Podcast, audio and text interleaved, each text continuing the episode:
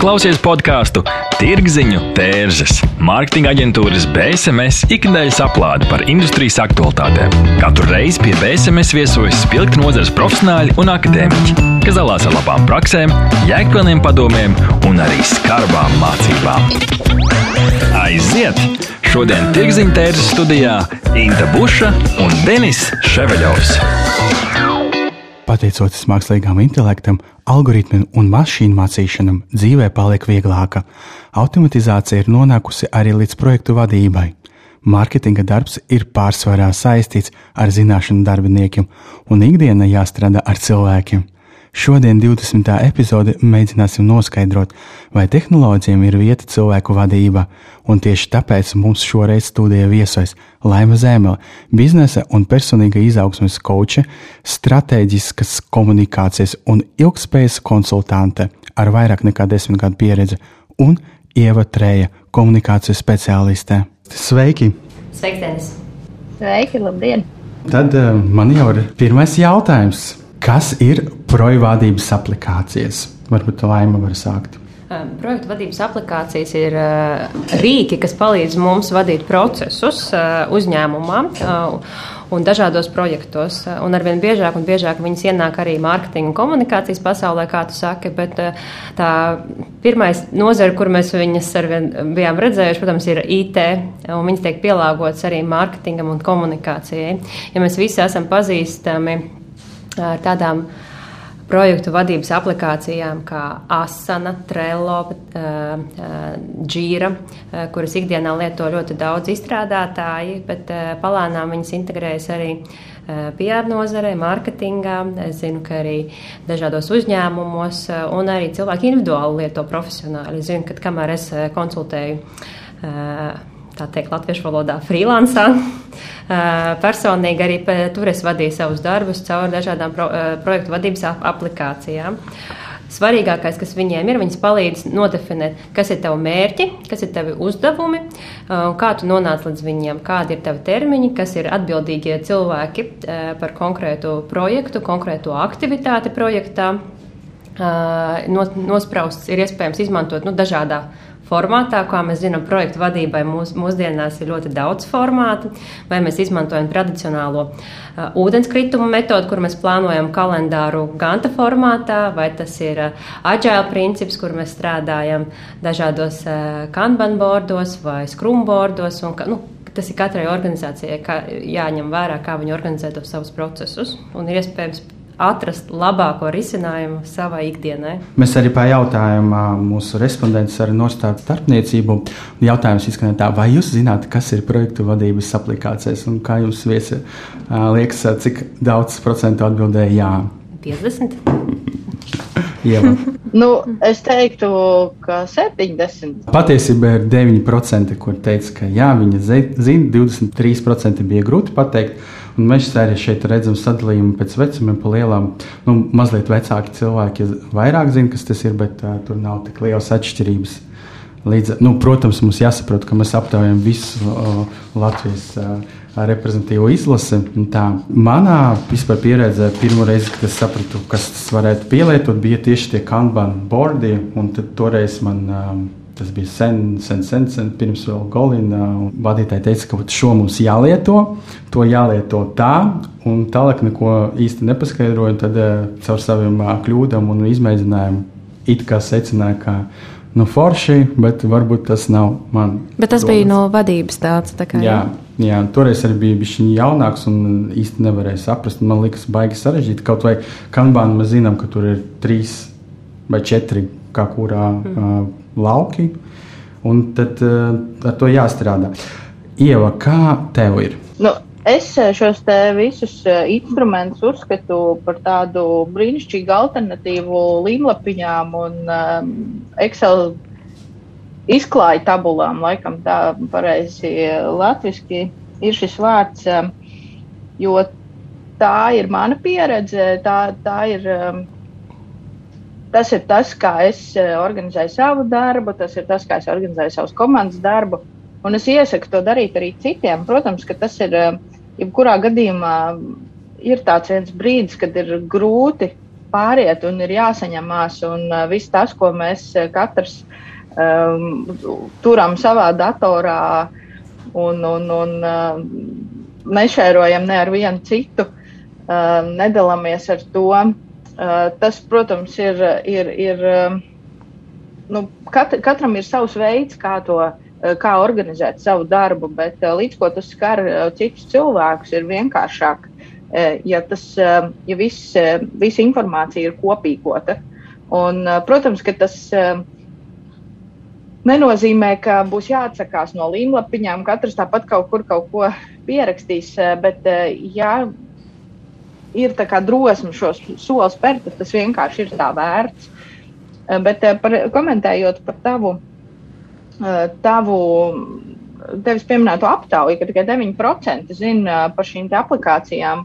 Patiesībā ļoti interesanti. Patiešām, kad, kad maz cilvēku zina, un man šķiet, ka vēl mazāk izmanto.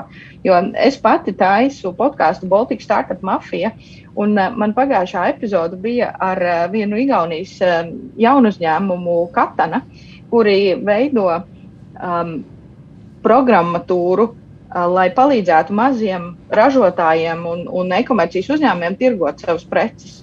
Un um, šis um, uzņēmums um, um, nu, faktiski tur tas fokus ir tieši uz ražotājiem. Un, uh, uzņēmuma vadītājs teica, ka viņš pats ir pārsteigts, cik visā pasaulē lieli, tiešām lieli uzņēmumi joprojām visu dara Excelī. Un viņš saka, nu, ka tas ir vienkārši neiedomājami, uh, cik daudz tur joprojām tiek organizēts nopietnu uzņēmumu darbs. Tā kā um, man šķiet, kas attiecās uz visām šīm aplikācijām, tur uh, viss vēl ir priekšā. Un uh, tā, tas patiesais. Uh, nu, tā patiesā virsotne izmantošanas ziņā vēl tiks sasniegta. Jā, es arī varu piekrist par tiem Exceliem. Tas, ko mēs kā mārketinga aģentūra arī esam ievērojuši, un, protams, kādām kampaņām tas ir īpaši svarīgi, ātri, efektīvi komunicēt ar klientu, nodot informāciju par operatīvo darbu statusu un tā tālāk. Un, jā, tas, tas tā arī ir. Un mēs arī jautājām ar Norstat palīdzību, vai jūs izmantojat kādu projektu vadības aplikāciju. 26% teica nē, 20% teica jā katru dienu. Un, uh, jā, bija arī cilvēki, kas teica, jā, reti, vai nav bijušas tādas iespējas, vai arī 7% saka, tas man nav palīdzējis. Un tad ir tas Denis minētais uh, case, ka tev vadība liek to darīt, jo nav citu variantu. Kā atrast uh, kompromisu starp uh, to visu ieva? Tas ir uh, labs jautājums. Um, nu, man šķiet, ka, nu, protams, vadība liek, tas ir tas. Ir tas um, nu, tur noteikti ir jābūt uh, labam pamatojumam, kāpēc to darīt. Nevis vienkārši likt. Un, uh, tiešām, ja mēs skatāmies uz produktivitāti tad, uh, un, un to komandas darbu, ko ir iespējams sakārtot, tad patiešām tas ir, tas ir ļoti liels iegūms. Bet cilvēkiem tas ir jāskaidro. Un, kā jau ar jebkuru jaunu tehnoloģiju, tā, tā ir kaut kāds brīdis, kad cilvēki pretojas tam. Un, un, protams, ka ir jārēķinās arī vadībai, ka ir grūti pārkāpt tam pāri un sākt to izmantot. Bet, um, nu, kā jau es teicu, man šeit ir jārunā ļoti daudz par, tām, par tiem ieguvumiem, kas, kas mainīsies mūsu katru ikdienā, kad mums vairs nebūs nepārtraukti jāpārsūta uh, e-pastu, vai arī tagad, kad uh, cilvēki daudz vairāk strādā attālināti, nepārtraukti jājautā, kāds ir status šim darbam, šim darbam. Tas, tom, tas tomēr ļoti, ļoti uzlabo mūsu katru ikdienu. Laima, kā pārliecināt darbiniekus, ka ir jāizmanto lūk šī vai atkal cita platforma? Es te piekritīšu ievai, ka ir jāstāsta, kāpēc mēs lietojam šādus jaunus rīkus un ieviešam, un mēs mācām, kā to darīt. Mēs kopīgi apsēžamies, izrunājam, parādam, izstāstam, runājam par izaicinājumiem. Arī mēs šobrīd uzņēmumam jau kādu laiku izmantojam projektu vadības aplikāciju Asana savā ikdienā. Ja iepriekš mēs viņu izmantojam tikai un vienīgi sociālā tīkla satura veidošanā un saskaņošanā, tad šobrīd mēs esam pārgājuši jau visos projektos uz uh, asanu, kā pamata kā? vadības rīku. Un, mēs redzam, ka ir kolēģi, kuri ir vieglāk pielāgojas, un ir kolēģi, kuri ir tie digital native, vai, un viņiem ir ātri tikai vajag aprunāties, apskatīties un pajautāt kādus jautājumus. Ir, ir kolēģi, kuriem ir grūtāk pielāgoties. Tajā pašā laikā Es pati arī personīgi izmantoju, piemēram, tajā mirklī, kad tu izmanto to rīku, tas nozīmē, ka tev ir jāgatavojas iepriekš, tev jāvelta laika tai plānošanai. Un tā ir tas, tas, tas ir tas mūsu ātrā dzīves ritma izaicinājums, ka mēs esam gatavi darīt Eh, lietas, projektus vadīt, realizēt, bet mēs eh, aizmirstam, ka mums jāieplāno laiks plānošanai. Un veiksmīgi projekta pamatā ir tas, ka mēs viņu esam labi saplānojuši, lai nenoiet nekas greizi. Līdz ar to ir vajadzīgi šādi projektu vadības rīki, un eh, viņi palīdz jau ļoti laicīgi identificēt kaut kādas lietas un riskus, kas varētu būt.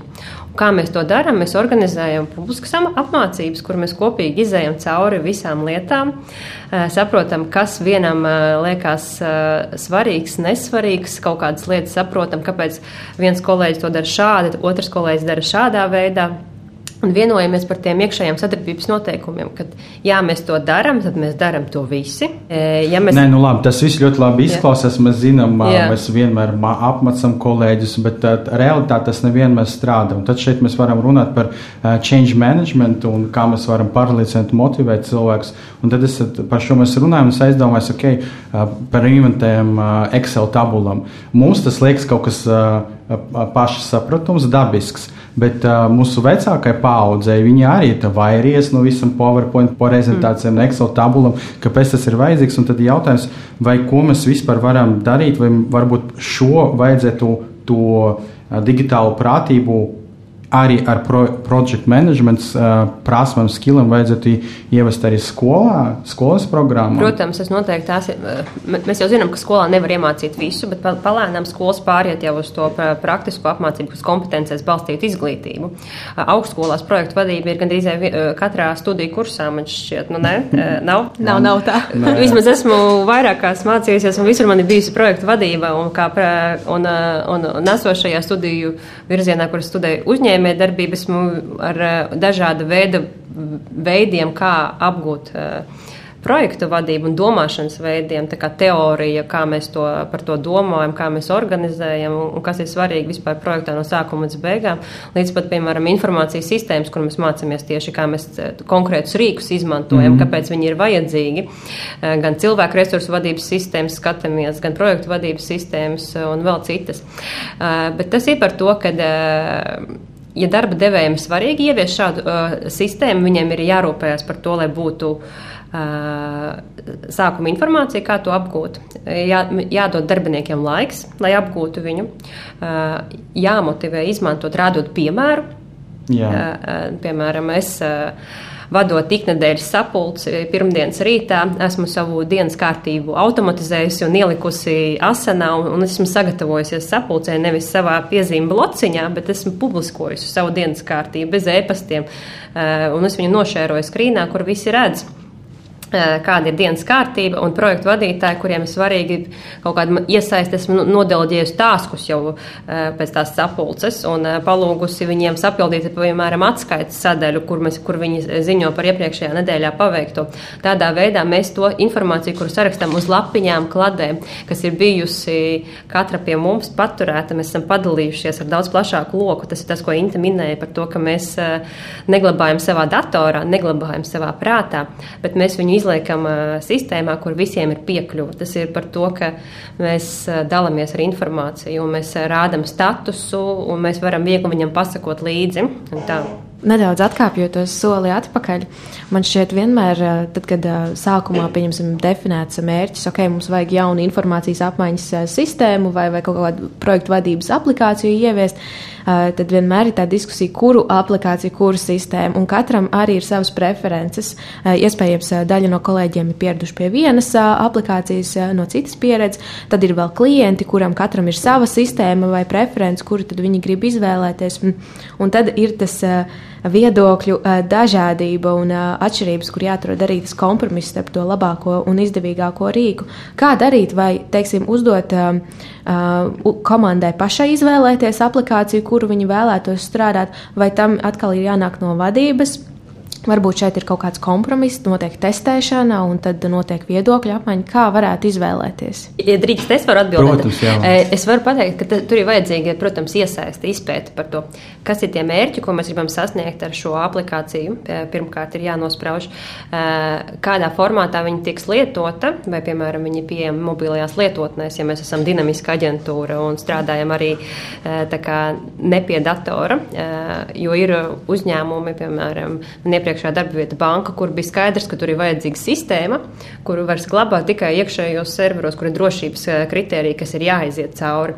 Ja mēs esam eh, vidējs vai maziņš uzņēmums, tur, protams, ir citi tie kritēriji, kur ir svarīgs ērtums eh, datu vizualizācija, iespējams, kādam ir svarīga. Tur ir jāsaprot, eh, kas viņu lietos, kas ir lietotāji un ko mēs ar to eh, sistēmu panāksim. Un tie kriteriji jānodefinē pirms mēs izvēlamies visiem kopīgi, ko mēs gribam ar viņu izdarīt un ko sasniegt. Ieva? Es arī pilnīgi piekrītu. Tas, eh, jā, tas ir tāds kopīgs lēmums. Tas, kas, ko atkal es varbūt no savas pieredzes varu pateikt, ka ir jābūt gatavam uz to, ka ne visas um, sistēmas visiem būs ērtas. Un, uh, nu, mans personīgais tāds, uh, novērojums no savas uh, pieredzes ir tāds, man šķiet, ka tā izvēle ir um, atkarīga no tā, kā mēs katrs domājam un kā mēs katrs esam pieraduši fiksēt uh, savas idejas.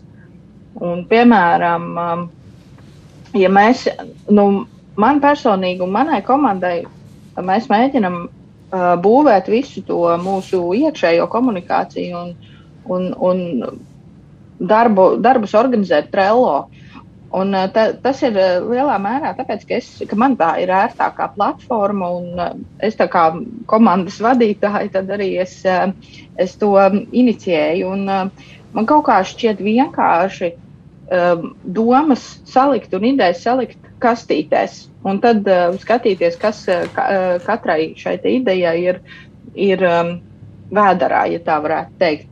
Un tad tur, tur jau attiecīgi ap šo ideju organizēt visu. Bet uh, ir gan dažādi uzdevumi, gan, uh, gan, gan uh, dažādas vajadzības, kur šādi pieeja iespējām. Bet uh, atkal no otras puses esmu lietojis arī strādājot vairākos projektos citas aplikācijas, un man tās vien, gluži vienkārši nešķiet ērtas. Tāpēc uh, man liekas, ka daudz ir arī atkarīgs no tā vadītāja vēlmes kaut ko izvēlēties, izvēlēties vienu, vienu vai otru risinājumu. Tā kā, nu, tas, tas, um, jā, tas, tas, tas ir tas, kā, kā arī mēdz uh, pieņemt lēmumus par to, un, ko un kā izmantot. Ja papildināt, tad vienkārši jāņem arī vērā, ka tas vienmēr ir budžeta jautājums. Arī vienmēr nu, jāskatās, kā organizācija izvēlās atbilstoši savām iespējām un saviem izmēriem. Jo, ja mēs skatāmies tādus lielus, sarežģītus jau projektu vadības rīkus, kas ir IT izmantojami, bet ir pielāgoti piemēram mārketingam un citiem jautājumiem, kas ir džira, viņi ļoti dārgi arī izmaksās. Tur par katru cilvēku ir jāmaksā pietiekoši liels izmaksas, lai, lai nekura, ne visas organizācijas var atļauties viņas vienkārši arī. Man ir jautājums, tad uh, vispār es, es ļoti bieži dzirdu asana. Uh, mēs, uh, mēs lietojam Trello un arī Miro. Tas vizualizācijas risinājums, un tā ir Miro, ir arī iespēja integrēties ar asanu, ko es neesmu izpētījis. Vai vispār lielo mārketinga aģentūru starpā asana ir standarts? Tas, ko visbiežāk lieto? Es neesmu veikusi tirgus izpēti un konkurentu izpēti par to, kāds projektu vadības rīks viņi lieto. Savā pieredzē īstenībā iepriekš strādājot ar aģentūrām, kā ar um, sadarbības partneriem no klienta puses. Lielākoties viņi pielāgojās, viņi nu, nepielāgojās, viņi standartā mums sūtīja Excel Iespējams, viņu rīku izmantoja kādu projektu vadības aplikāciju, bet tajā neiesaistīja klientu. Mūsu gadījumā mēs arī savus klientus iesaistām un onboardējam uh, asins rīkā, kas uh, atvieglo mums to e-pastu plūsmas problēmu, jo tā mūsdienās ir diezgan liela šajā attālinātajā laikā. Uh, nemācīšu teikt par nozari. Tur gan. Ieva, kādi novērojumi? Mans novērojums ir tāds, ka drīzāk Bet tas ir bijis arī vairāk um, komunikācijā ar klientu, ka klients lieto vienu rīku un, um, un, un aģentūra lieto otru. un tad kurš tā kā piekāpsies un kura rīku tad izmantos. Un tad, ja, piemēram, ir uzņēmumi, kuriem ir ļoti augstas drošības prasības, teiksim, kas nodrošina, nu, tur strādā ar bankām un, un dažādiem um, dažādu finanšu tehnoloģiju risinājumu, tad, uh, lai tur noformētu viena cilvēka piekļuvi nu, respektīvi no aģentūras eh, kontaktpersonas piekļuvi viņu sistēmai, tur ir eh, nu, opera dažu mēnešu garumā. Tāpēc uh, sākās drīzāk šādas lietas, ka katrs izmanto kaut ko citu. Tas ir mans novērojums. Jā, es arī gribu parunāt nedaudz par to cilvēku profilu, kas vispār uh, iz, izmanto šādas aplikācijas. Un tas, ko mēs pēc datiem varam redzēt, ka jautājot, vai jūsuprāt, aplikācijas kā tādas atvieglo cilvēku ikdienu profesionālajā jomā, 49% saka drīzāk jā, 21% jā, noteikti. Tātad lielākā daļa uzskata šo uh, par pozitīvu uh, rīku, kas tad attiecīgi var palīdzēt. Bet tajā pašā laikā, kad mēs jautājam, vai jūs izmantojat aplikāciju, ja jau tas palīdz, palīdz. Kopumā tad sanāk 40% atbild nē, tad dažādu iemeslu dēļ. Un tad tas jautājums, kāpēc? Kāpēc tā ir? Mēs reizē saprotam, ok, tehnoloģijas mums palīdz, bet uh, mēs neizmantojam viņas. Tas nozīmē, ieviest jaunas tehnoloģijas savā ikdienā, nozīmē paradumu maiņu. Un mēs zinām, ka paradumu maiņa ir ļoti sarežģīts process cilvēkam. Tas nozīmē, ka viņam ir jāpārceļas no tā sava ierastā ierastā procesa, jā, jā, jāveido jauns process, kā viņš lieto to uh, aplikāciju vai digitālo risinājumu. Un, uh, iespējams, uh, arī nu, tas, tas, tā izpratne par to, ka ēst ir veselīgi, mums arī ir bet mēs ne visi ēdam veselīgi. un, līdz ar to šis ir paradoks, ir redzams ļoti daudzos jautājumos cilvēkiem, nu, mēs zinām, kas ir labi, bet nevien, nevienmēr mēs to labāko ieviešam savā dzīvē. Tie, kas ir tie augsti produktīvi cilvēki un ir vērsti uz domāšanu, kā organizēt un meklēt tos risinājumus savai ikdienai, tie arī strādā un ievieš tos risinājumus. Es domāju, arī vai tie ir tie, kas ir tie early adapters, kam mm -hmm. ir mhm. svarīgi izmēģināt visas jaunas, jaunas lietas, lietas jaunas mm -hmm. lietas, tie vienmēr ievies, ieviesīs un, un, un notestēs nevis eh, tikai un vienīgi domās, kad uh, digitāls lietas atvieglo manu ikdienu. Kā saprast, vai uzņēmums ir gatavs ieviest eh, šo lietu projektu vadības aplikācijai savu ikdienu, noskaidrosim pēc neliela pārtraukumā. Tirziņa tērzes - tas ir vērtīgs saturs mūsdienīgam mārketinga speciālistam. Neatbildami jautājumi, sarežģīti lēmumi. Sazinies ar Norstat. Mēs palīdzēsim. Norstat - tas ir draudzīgs servis, innovatīvi risinājumi un kvalitatīvi dati, lai to varētu pieņemt veiksmīgus, datos balstītus lēmumus. Pievienojies vairāk nekā simts Latvijas uzņēmumiem, kas uzticas vadošajam datorisinājumu nodrošinātājam Ziemeļeiropā. Mūsu mērķis ir atvieglot tavu dzīvi un ļaut pieņemt pareizus lēmumus. Norstat - vērtīgi dati svarīgiem lēmumiem. www.norstat.lv Mūsu viena no misijām vispār tēzam ir veidot marketinga kopienu un uzlabot visam dzīvi. Un tad uh, visdrīzāk, acīm redzams, arī projektu vadības uh, aplikācijas sistēmas ir tas, kas varētu uh, Uzlabot dzīvi. Uzlabot dzīvi, veicināt labāku sadarbību starp visiem industrijas dalībniekiem. Un tad mūsu klausītājiem, kā viņam saprast, vai viņu uzņēmums ir gatavs ievest projektu vadības aplikācijas savā ikdienā uzņēmumā. Es teiktu, ka jāsāk ar to, ka uzņēmumam jānodefinē ir, uh, tas mērķis, ko viņi grib sasniegt ar šīs aplikācijas ieviešanu. Tas ir tāds pamats, uh, jo jāsaprot, ko tad viņas atvieglos. Vai viņas atvieglos informācijas plūsmu, tā kā sadarbības, ja, piemēram, saprotam, ka mums ir ienākt e, katru dienu e tik daudz e-pasta, ka mēs nespējam izlasīt. Jā. Un sašķirot arī. Ja Tā ir pirmā pazīme, varētu būt jau sākt aizdomāties. Jā. jā. Jā, jo ne visa informācija mums ir vajadzīga. Paskatāmies, cik daudz e-pastiem mēs esam CC vienkārši for your information satura apskatāmies. Otrs ir, ja mēs dzīvojam digitālajā laikmetā un, un attālinātā laikmetā, ir jāskatās, ka ja Zoom zvani un Teams zvani ieilgs pārāk ilgi, un mēs runājam pieci cilvēki, bet īstenībā sarunā jāpiedalās diviem. Un iespējams, ja es vēl ieliktu viņu kā uzdevumu kādā no projektu vadības aplikācijām, man tas aizņemtu nevis 30 minūtes, bet man tas aizņemtu 10 minūtes. Tas nozīmē, ka uzņēmums ietaupa 5 cilvēku laiku 50 minūtes. Ja mēs sarēķinām to darbu stundās, tas ir ļoti liels finansiāls ieguvums uzņēmumam. Tā pašā laikā, tad, ja mēs redzam, ka mums ir ļoti daudz sadrumstalotu projektu, kur mēs nevaram visu laiku izsakot līdzi un ar papīra pierakstiem vai datoru ekseļiem ir pa grūti tam izsakot līdzi arī. Un vai projektā ir iesaistīts ļoti daudz, piemēram, sadarbības pušu vai arī iekšējo darbinieku mhm. uzņēmumos, piemēram, kur ir nu, nezinu, 200, 300, 400 uz, da, darbinieki, tiem ir jāskatās, ir, jo viņi visi nevar satikties pat vienā telpā, ja vajadzība ir, bet mēs varam iesaistīt visas struktūra vienības atbilstoši pēc nepieciešamības. Piemēram, ja jums ir jāievieš jauns internetbankas projekts un jums jāiesaista dažādos projekta posmos dažādas struktūra vienības, Jūs varat salikt lielu darba plānu un nošērot tikai ar vajadzīgo informācijas daļu, ar konkrēto struktūru vienību. Un, un daļu. Līdz ar to tad, uh, viss ir vienā plānā, un tev nav jāsūta atsevišķa daļa, Excel, jākopē katrs šīs savā sadaļā. Tas ir jāskatās, uh, kas ir tie kompleksē jautājumi, kurus mēs risinām. Ieva, kādus ieteikumus tu dotu freelanceriem uh, šajā aspektā? vai maziem, neatkarīgiem, varbūt kaut kādiem piegādātājiem, konsultantiem? Man šķiet, ka tādi sevis organizēšanas rīki ir pilnīgi visiem.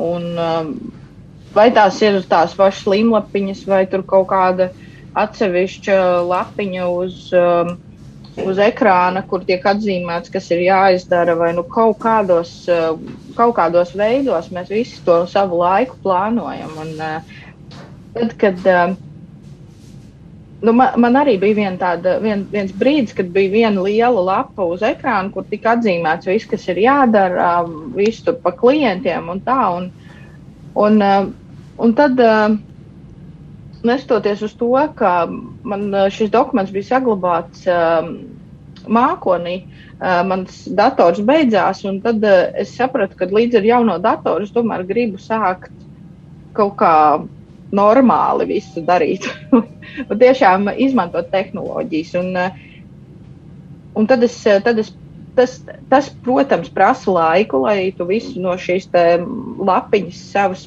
pārliktu uh, Eh, tālāk um, šajā te, um, nu, produktivitātes lietotnē, bet uh, tas ir tā vērts, jo kā jebkura tehnoloģija patiesībā kaut ko jau tā atrisina. Un, uh, un vismaz uh, kas ir, kas ir, kas man ir svarīgi, ka es redzu kopskatu, ka es redzu to, to visu darba lauku, ka es varu iesaistīt citus komandas biedrus uh, uh, un uh, es varu organizēt darbu, nekontrolējot cilvēkus, jo viņiem tiek piešķirt uzdevumi un viņi paši, un es redzu, kādā statusā katrs darbs ir.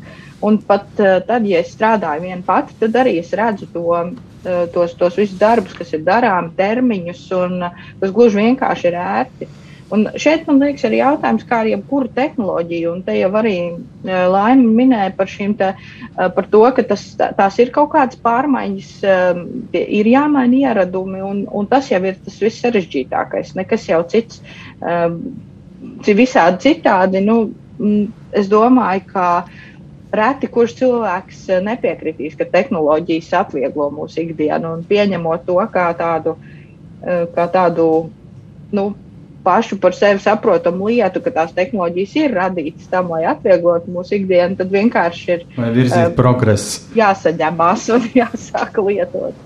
Jā, laikam jau tas grūtākais bieži ir sākt, jo tam pieredumam vienkārši ir ļoti liels spēks. Lēnām jau finišējot mūsu sarunu, vēlos jūs lūgt abas eh, izdarīt tādus galvenos secinājumus, vai varbūt ceļavārdus dot mūsu klausītājiem, kas būtu tas vēlējums un ko jūs tiešām ieteiktu. Es domāju, ka tāds uh, svarīgākais secinājums man ir par to, ka svarīgi jau ir plānot un kāpēc tās projektu vadības ap, ap, aplikācijas un rīki ir izveidoti, ka mēs uh, domājam uz priekšu un organizējam savas organizācijas uzņēmumu darbu tā, lai uh, visi jau šodien redz, kur mēs būsim piemēram pēc pirmā, nezinu, pēc mēneša, pēc ceturkšņa un nākamajā gadā. Un, un, un rīki, kurus mēs izvēlamies, ir atbalsts. Un nevis rīks ir galvenais, bet tā plānošanas tas process un saturs, ko mēs tur ieliekam un kādā formā mēs to pasniedzam, kā mēs komunicējam ar mūsu komandas biedriem, kā mēs iesaistām savus kolēģus.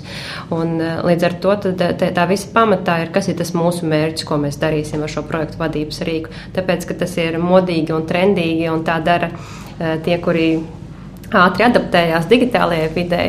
Tas varbūt nav iemesls, bet uh, mēs paskatāmies par tiem ieguvumiem, ko es minēju. Tas uh, patērē mums mazāk laika, lai varētu virzīt procesu uz priekšu, ka tas uh, iekonomē mums arī cilvēku resursu izmaksas. Mēs iespējams varam atteikties no kādas pozīcijas, tāpēc ka mums nav nepieciešams tik daudz darbinieku, kas operē ar ēpastiem. Tas palīdz arī mums ātrāk virzīties uz priekšu un piegādāt to rezultātu klientiem, jo mums atkal tā e-pasta saraksts, tie daudzie e-pasta posmi izkrīt ārā. Un tas atvieglo arī to uzraudzības un risku vadības procesus, kas ir svarīgi uzņēmumu vadītājiem un arī klientiem, kuri izvēlās strādāt, piemēram, ar dažādām aģentūrām. Viņi var skatīties un iesaistīties proaktīvi darbā.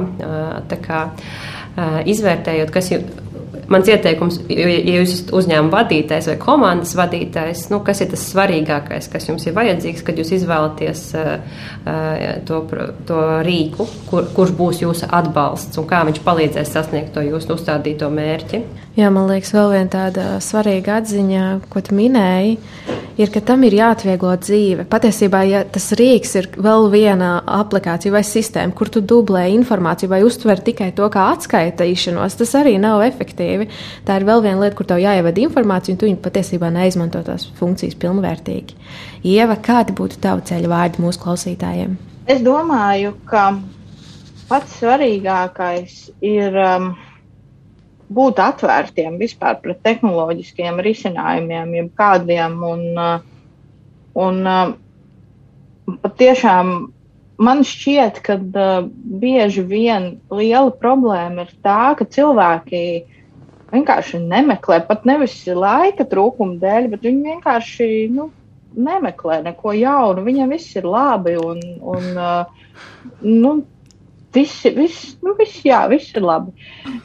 Bet man šķiet, ka mūsdienu pasaulē mēs vairs nevaram uh, dzīvot bez tādu, ar tādu pašapmierinātu smaidu sejā visu laiku, ka, ka tiešām uh, tas veiksmīgums, arī nu, tā uzņēmuma veiksmīgums un pašu, pašu cilvēku veiksmīgums bieži vien ir atkarīgs no tā nu, varbūt ne gluži atkarīgs, bet daļa vismaz ir tā, uh, cik daudz um, un cik efektīvi tu spēj izmantot tehnoloģijas. Tāpēc uh, vienalga, vai tas ir nu, es domāju, ka vēl arī uh, noteikti daudziem, daudziem uzņēmumiem ir arī tāls ceļš ejams uh, līdz tām pašām, uh, līdz, līdz tā informā, līdz dalīšanās ar informāciju un vispār kaut kādām sistēmām, kur, kur ir pieejams visiem darbiniekiem. Ja mēs jau te runājam par tiem, kad, nu, kuru tur sistēmu izvēlēties un tam līdzīgi, bet uh, Es esmu pilnīgi pārliecināta, ka vēl ir katram pārdevējam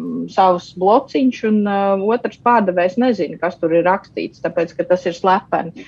Nu, es domāju, ka, ka pirmā lieta, ar ko sākt, ir tiešām būt atvērtiem pret tehnoloģijām, pret tehnoloģiju risinājumiem, un tad jau arī uh, diskutējot, un meklējot un uh, lasot, uh, tad jau arī nāks padoms, ko izvēlēties, un arī arī atradīsies tas īstais instruments. Paldies! Ar šo arī noslēgsim mūsu 20. epizodi. Pie mums studijā viesojas Laima Zēmele, biznesa un personīgas izaugsmes coach, stratēģijas komunikācijas un ilgspējas konsultante un ievatrēja komunikācijas speciāliste. Paldies, ka klausījāties BSMS podkāstu Tirziņu tērzes. Aplādi ar labām praktiskām, jēgpilniem padomiem un skarbām mācībām. Patika epizode? Dalies sociālajos medijos, ir idejas tēmām vai viesiem? Raksti mums! Tās bija Tirziņa tērzes. Tiekamies nākamnedēļ!